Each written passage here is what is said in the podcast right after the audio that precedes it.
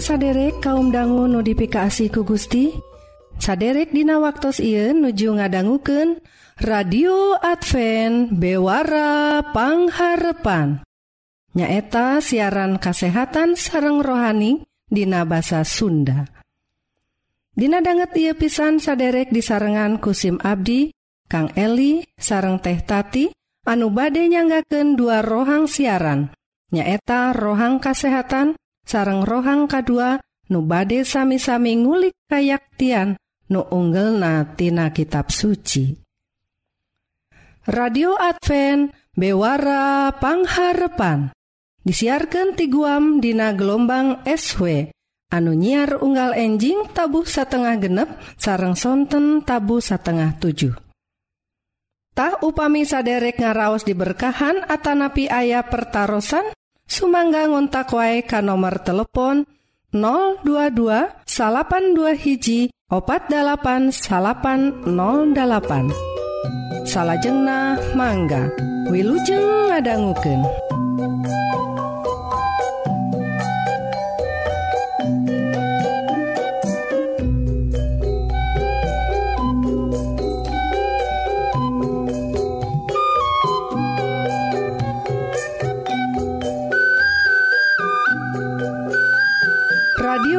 Advent bewarapangharpan saderek Hayu atuh urang peda rohang nukahiji nyaeta sagala rupa soal kesehatan raga orang wilujeng ngadangguken.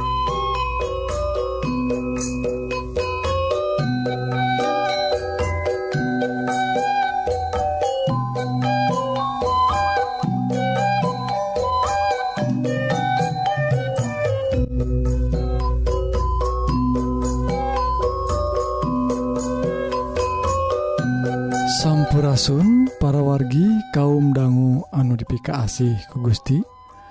Rohang kesehatan dinten ia judulna panyabab obesitas titiwati. Para wargi cariosan ngenaan titiwati nyata wanoja asal nu asal na di Palangkaraya Kalimantan Tengah.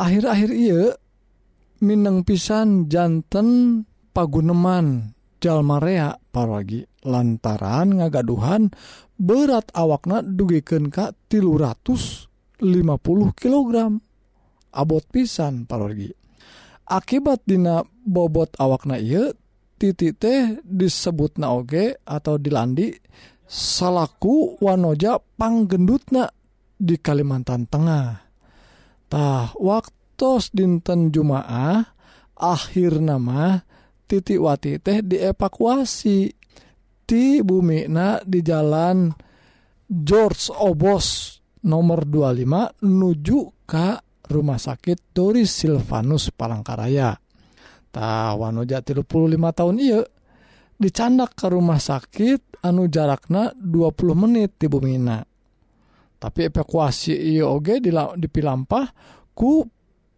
puluhan jalmi pemadam kebakaran. Ya petugas rumah sakit sarang petugas dinas sosial. Seurpisan kulantaran ngangkutan tegampil perwargi.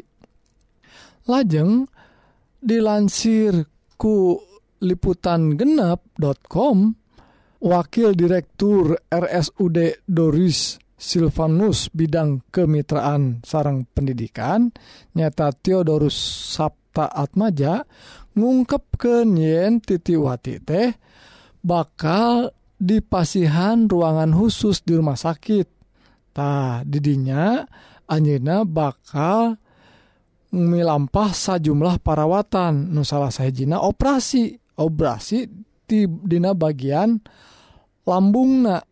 Dugiken diharapkan tiasa nurunken berat awakna. Dugiken K 15 dugiken K 20 kg dina sabulana. Jantan ruina volume lambung teh dikirangan jantan 50% kira-kira anak gitu disaurkan ku wakil direktur RSUD taditah sakadar ke orang dipikawano ngenaan bobot awak na teh dugiken ka ratusan kilo ruina tos dirasakan oge kuwano ja teh. anu sok disapa titin ieu teh waktu genep tahun kapengker ieu. Tah sababaraha faktor anu jadi panyabab titi ieu ngalaman. Naikna berat awak sah salah sahiji na lantaran pola makana. Tuang na parogi ya akibatnya dirina ngalaman sesah milampah aktivitas sapertos jalmi jalmi anu pada umumna. Tadina waktu ia kusim Abdi badai sanggaken soal fakta-fakta anu nyababken obesitas anu dialaman ku titiwati. Anukahiji paragi nyata pola tuang anu lepat.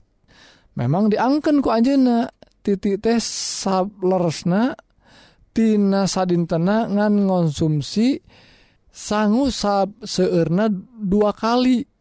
Nanging kebiasaan ngemilna langkung seueur tibatan sanggu tadi anu nyababkan naikna berat awak anu secara drastis pergi tarupina ngemil teh bahaya porgi ya kedana tuang anu secara teratur.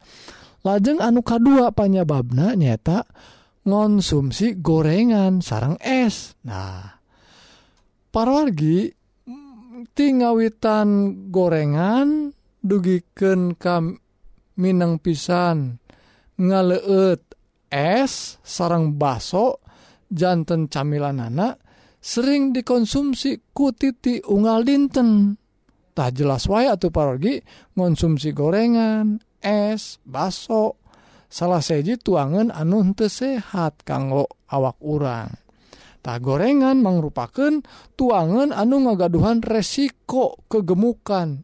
Ya resiko ngagendutan anu ageng pisan resikona lajeng perugi anukatilu panyabab ya, panyabab obesitas natiti nyata pernah nyobaan oge nurunkan berat awak.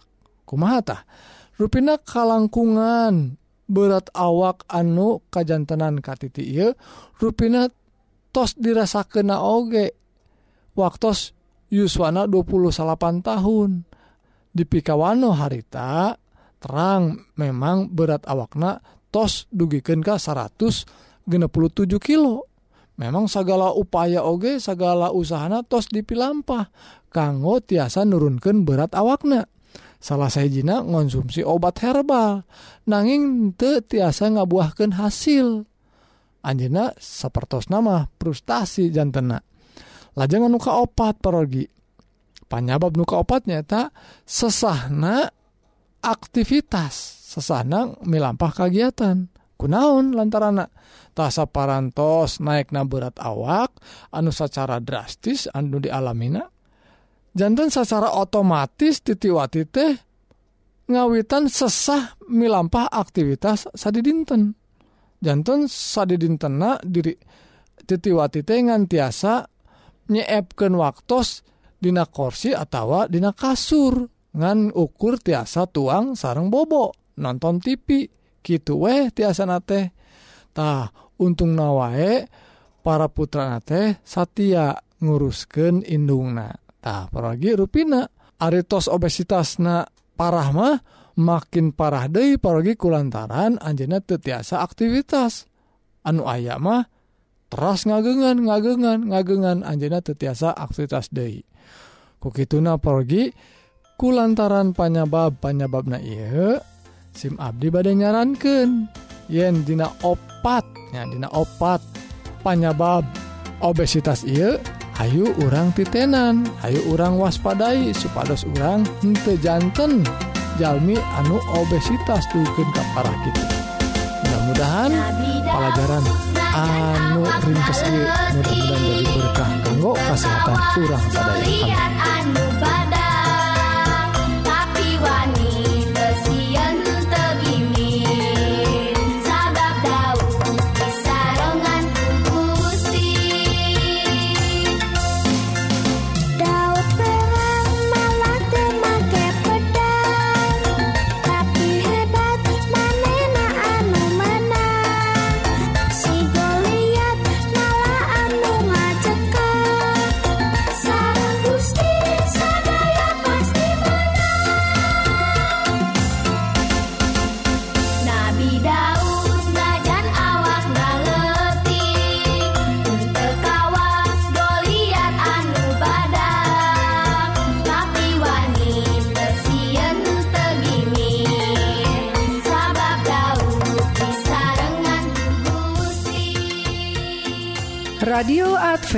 bewarapangharpan para wargi nemben kurang parantos sami-sami ngadangguken bewara kasehatan.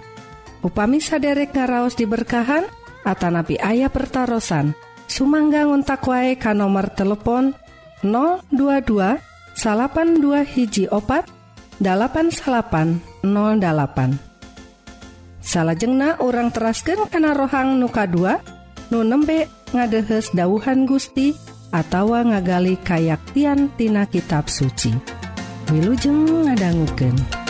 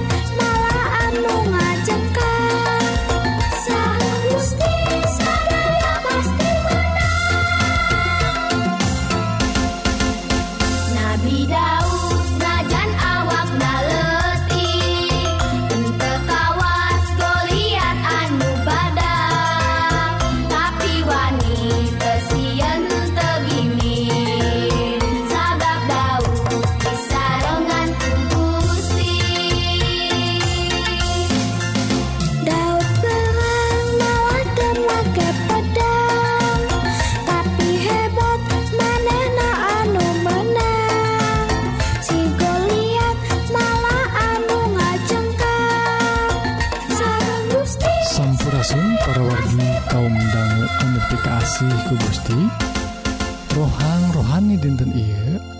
Judulna percaya jeung ngahampura. Carisan Ieu parwargi dicutatina Inji Lukas pasal anuka 7 sate Acana Ayu parwargi orang sami-sami ngadua. Nun ama anu linggih di sawarga mugi ama ngaberkahan Abdi sadaya sarang para kaum dangu sadayana. anu ngadangguken siaran ia mugi diberkahan ku roh suci anu tiasa nuyun Abdi sadaya ngartos kana bebeneran dinadauhan Gusti. Yipi doa disangaken Dina asmana Isa Almasih juru salamet dunya. Amin. Parwargi cariyosan ngenaan Isa Almasih seueur pisan. Khususna kumaha laku langpah Isa Almasih Yesus Kristus nembraken kumaha sifat-sifatna Gusti Allah anu tos dituladanken ku Isa Almasih. Hal ia nyata dina hal ngahampura. Ayu perogi orang tinggal cariusan ia bangsa Yahudi parwargi ngarewaun pisan ka tentara Roma teh. Kulantaran memang bangsa Yahudi dijajah ku negara Roma.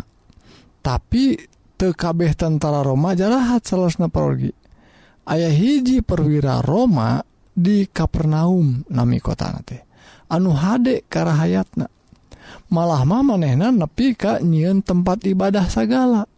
Sarta waragadna oge ditangkes ku maranehanana. Tadi hiji poe parwargi pagawena gering. gewat eta perwira teh menta tulung kababaturan nana tuh pergi ku HD-hadena jalma anu didamel oge pembantu pembantu nah diperhatosken pergi tak salah saja na yuk ruina ayah salah sahiji pagawena tedamang lajeng minta tulung kebaturan anaktah babaturan teh orang Yahudi sing horeng. Marehna dititah Sina nyaur ka Yesus. sauran Yesus kadi gitu sauna orang Roma ia teh memang bager pisan. Nyaah ka bangsa orang oge gitu. Disaurken ku jalma-jalma teh. Sareng ngadongkapkan Yesus supados memang kersa sumping kadinya teras baik ruina didugiken lajeng Yesus angkat kabumina perogi barang Yesus ampir dugi eta perwirate gancang ngutus pagawena. Sinanyarios Ki ka Yesus. Sawwios tekedah ngarepotken kedah rumpahen sagala. Nimbalan baik kapadamel Abdi anu nuju udur. Tika tebihan weh pasti Anjena bakal damang. Da Abdi oge prajurit upami Abdi masihan parentah pasti diturut. Gitu disaurkan kueta perwirate. Anjena ruina percaya pisan. Isa Almasih tiasa ngadamang kejalmi ku kecap-kecap ku parentah na langsung tika jauhantah Yesus kataji pisan. Kueta perwira teh. Kakara ya kami mah manggi iman. Anu pengkuh pisan kawas Ky orang Yahudi mah can pernah Ainu kieu? Sauna waktu etak utusan perwira balik perwargi nyampak anu Gering teh Ayo nama gecager sing goreng tersaurna teh. Pamenta eta perwira teh ges dijabahku Yesus. Perwargi hiji mangsa Yesus diangkir tuang ke urang Parisi anu ngaranana Simon. Kertuang ruina Jol hiji awe anu tadi diondang datang kanya manena nyinghak cerik caket Yesus. Cimatana masehan sampeyan Yesus. Tulu sampeyan Yesus teh ku manehna disusutan kubuukna geus kitu dibalur ku minyak sengit bawa manehna. Ari nempok kitu Simon ngarasa kaeraan. Aduh cek pikirna teh. Pada teing Yesus benduna lamun uningan eta awe teh awe bangor. perogi nanging Yesus teh surti. Simon disaurku Yesus. Lamun jelemak boga hutang tulu hutang na dipunahken mana anu lewih atauhen anu hutang atau anu loba hutang ah, gampang pisan jawaban anak mah.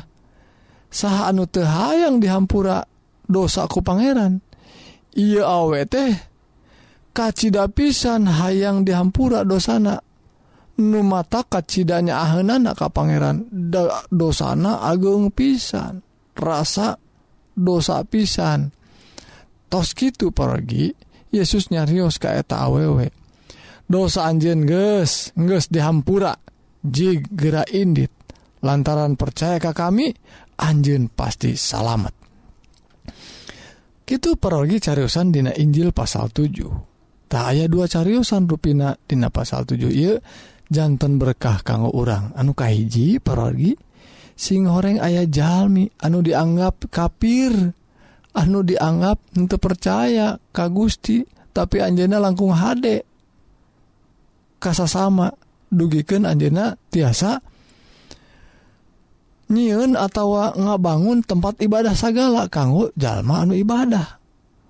Lajeng anu pelajaran sajena pergi jalmi iya teh ruina sapertos keyakinana yakin pisan Kaisa Almasih. Lantaran anjrin nyebatkan sokwe nyebatkan tika jauhan tika jauhan oge lamun memang ku iman mah kawasana pasti nepi pasti bisa cager didoakan tika jauhan oge. Sapertos Abdi oge mun marentah pasti diturutku prajurit-prajurit Abdi gitu disaur kenana Dupina parogi ia pelajaran HD pisan kanggo urang. Orang teninggal Yesus. Orang tependak sarang Yesus. Tapi Anjena hirup Ayeuna disa warga hirup oge Ayeuna sami-sami sarang urang. Ayaah Aina teh Dina rohna. Ngantosan urang sadaya nyambat ke Anjena kokituna parogi Hayu. Orang ngadua percaya yen sagala rupi kaperyogan urang tiasa diijabah ku Anjena Anjena kawasa kanggo ngawaler doa doa kanggo mujizat kejadian ke urang sadatah eta pelajaran nuka hiji parorgi lajeng anu kadua cariosana ngenaan jalma anu dosa. Seurpisan perorgi jalma-jalma anu tos jantan jalmi ibadah sok rajin ka gereja rajin ke tempat-tempat ibadah. nanging perwargi ayah jalmi semodel jalmi awe Bangor. Kasebat we aya nama WTS pengintennya tapi ruina anu hatena tos ka jamah. Anu hatena atos ngarausken keasih na Isa Almasih. Ngarausken keasih na Gusti Allah.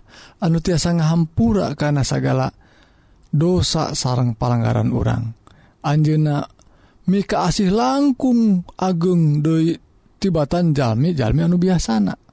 Ruina gitu pergi caryosan teh. Awek Bangor eta teh dugiken ke Anjena cerik ngarasaken gede na dosa lajeng dihampura ku Gusti. Tosa kedahna parorgi urang sadaya teh seharusnya jalmi-jalmi dosa urang kedah dongkap ka Gusti. Sesamat ka Gusti ngaku dosa orang dosa orang ageng di payunan Gusti. nanging Gusti Allah Dina asmana Isa Almasih anu tos lungsur tisawarga tiasa ngahampura micen dosa orang ku kawasana. Hayu pergi orang telemandai kehidupan orang di alam dunia anu ngabutuhkan pangampura ti Gusti Allah. Sakit pergi pelajaran ia mugi-mugi jantan berkah karena temuh na iman orang sadaya. sami-sami orang ngadoa Nun Gusti rebunhun puji syukur ka Gusti kulantaran berkah dina cariyosan Injil anu tos maparin pelajaran anu hadek kanggo abdi sadaya. Kanggo abdi sadaya tiasa hirup langkung caket sarang Gusti caket dina sumber kahirupan abdi sadaya. Mugi Gusti ngaijabah karena segala pamunut abdi sadaya. Dina doa-doa anu singkat ia mugi Gusti oge ngaberkahan. Para wargi sadaya kaum dangu anu ngadangu kensiaran ia Dina segala tantangan hirupna mugi Gusti masihan pitulung. Mugi-mugi abdi sadaya tiasa ngagaduhan solusi karena segala permasalahan abdi. Mugi Gusti ngaberkahan ia pidoa disanggakeun dina asmana Isa Almasih Yesus Kristus juru selamat dunia. Amin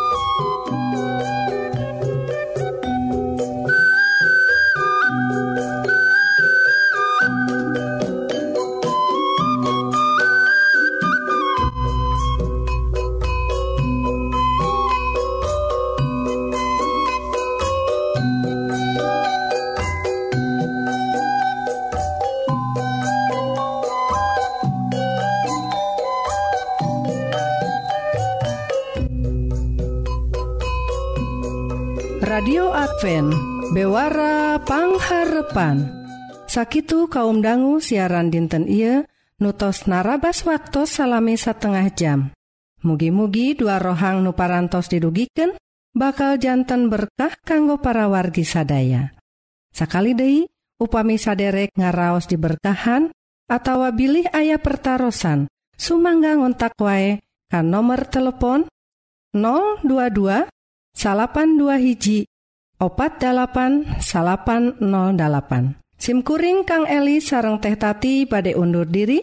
Hatur nuhun kana perhatsan saderek tepang dahulu Dina waktu sarang gelombang Nusantara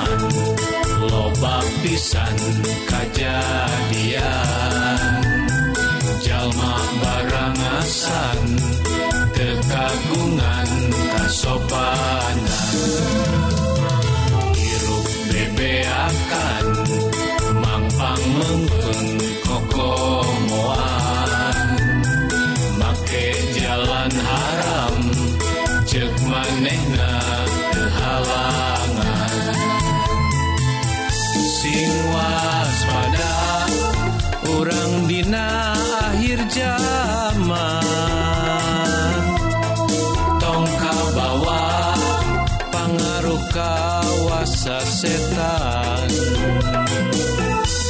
Sing satya percaya Gusti Yesus.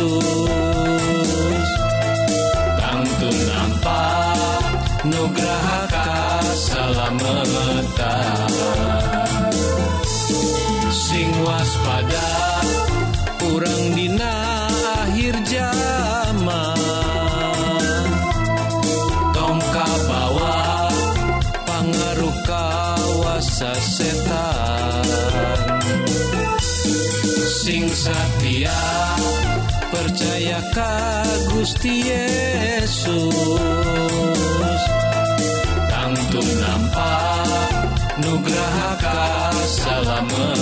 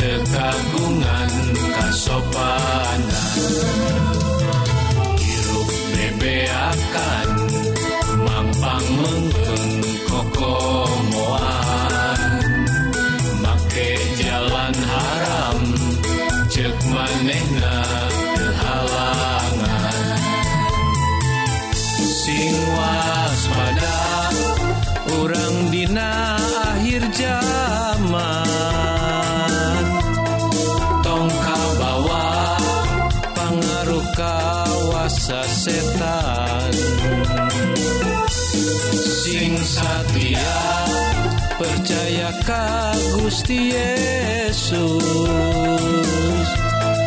tangtu nampak nugraha kasalameta sing waspada kurang dina akhir zaman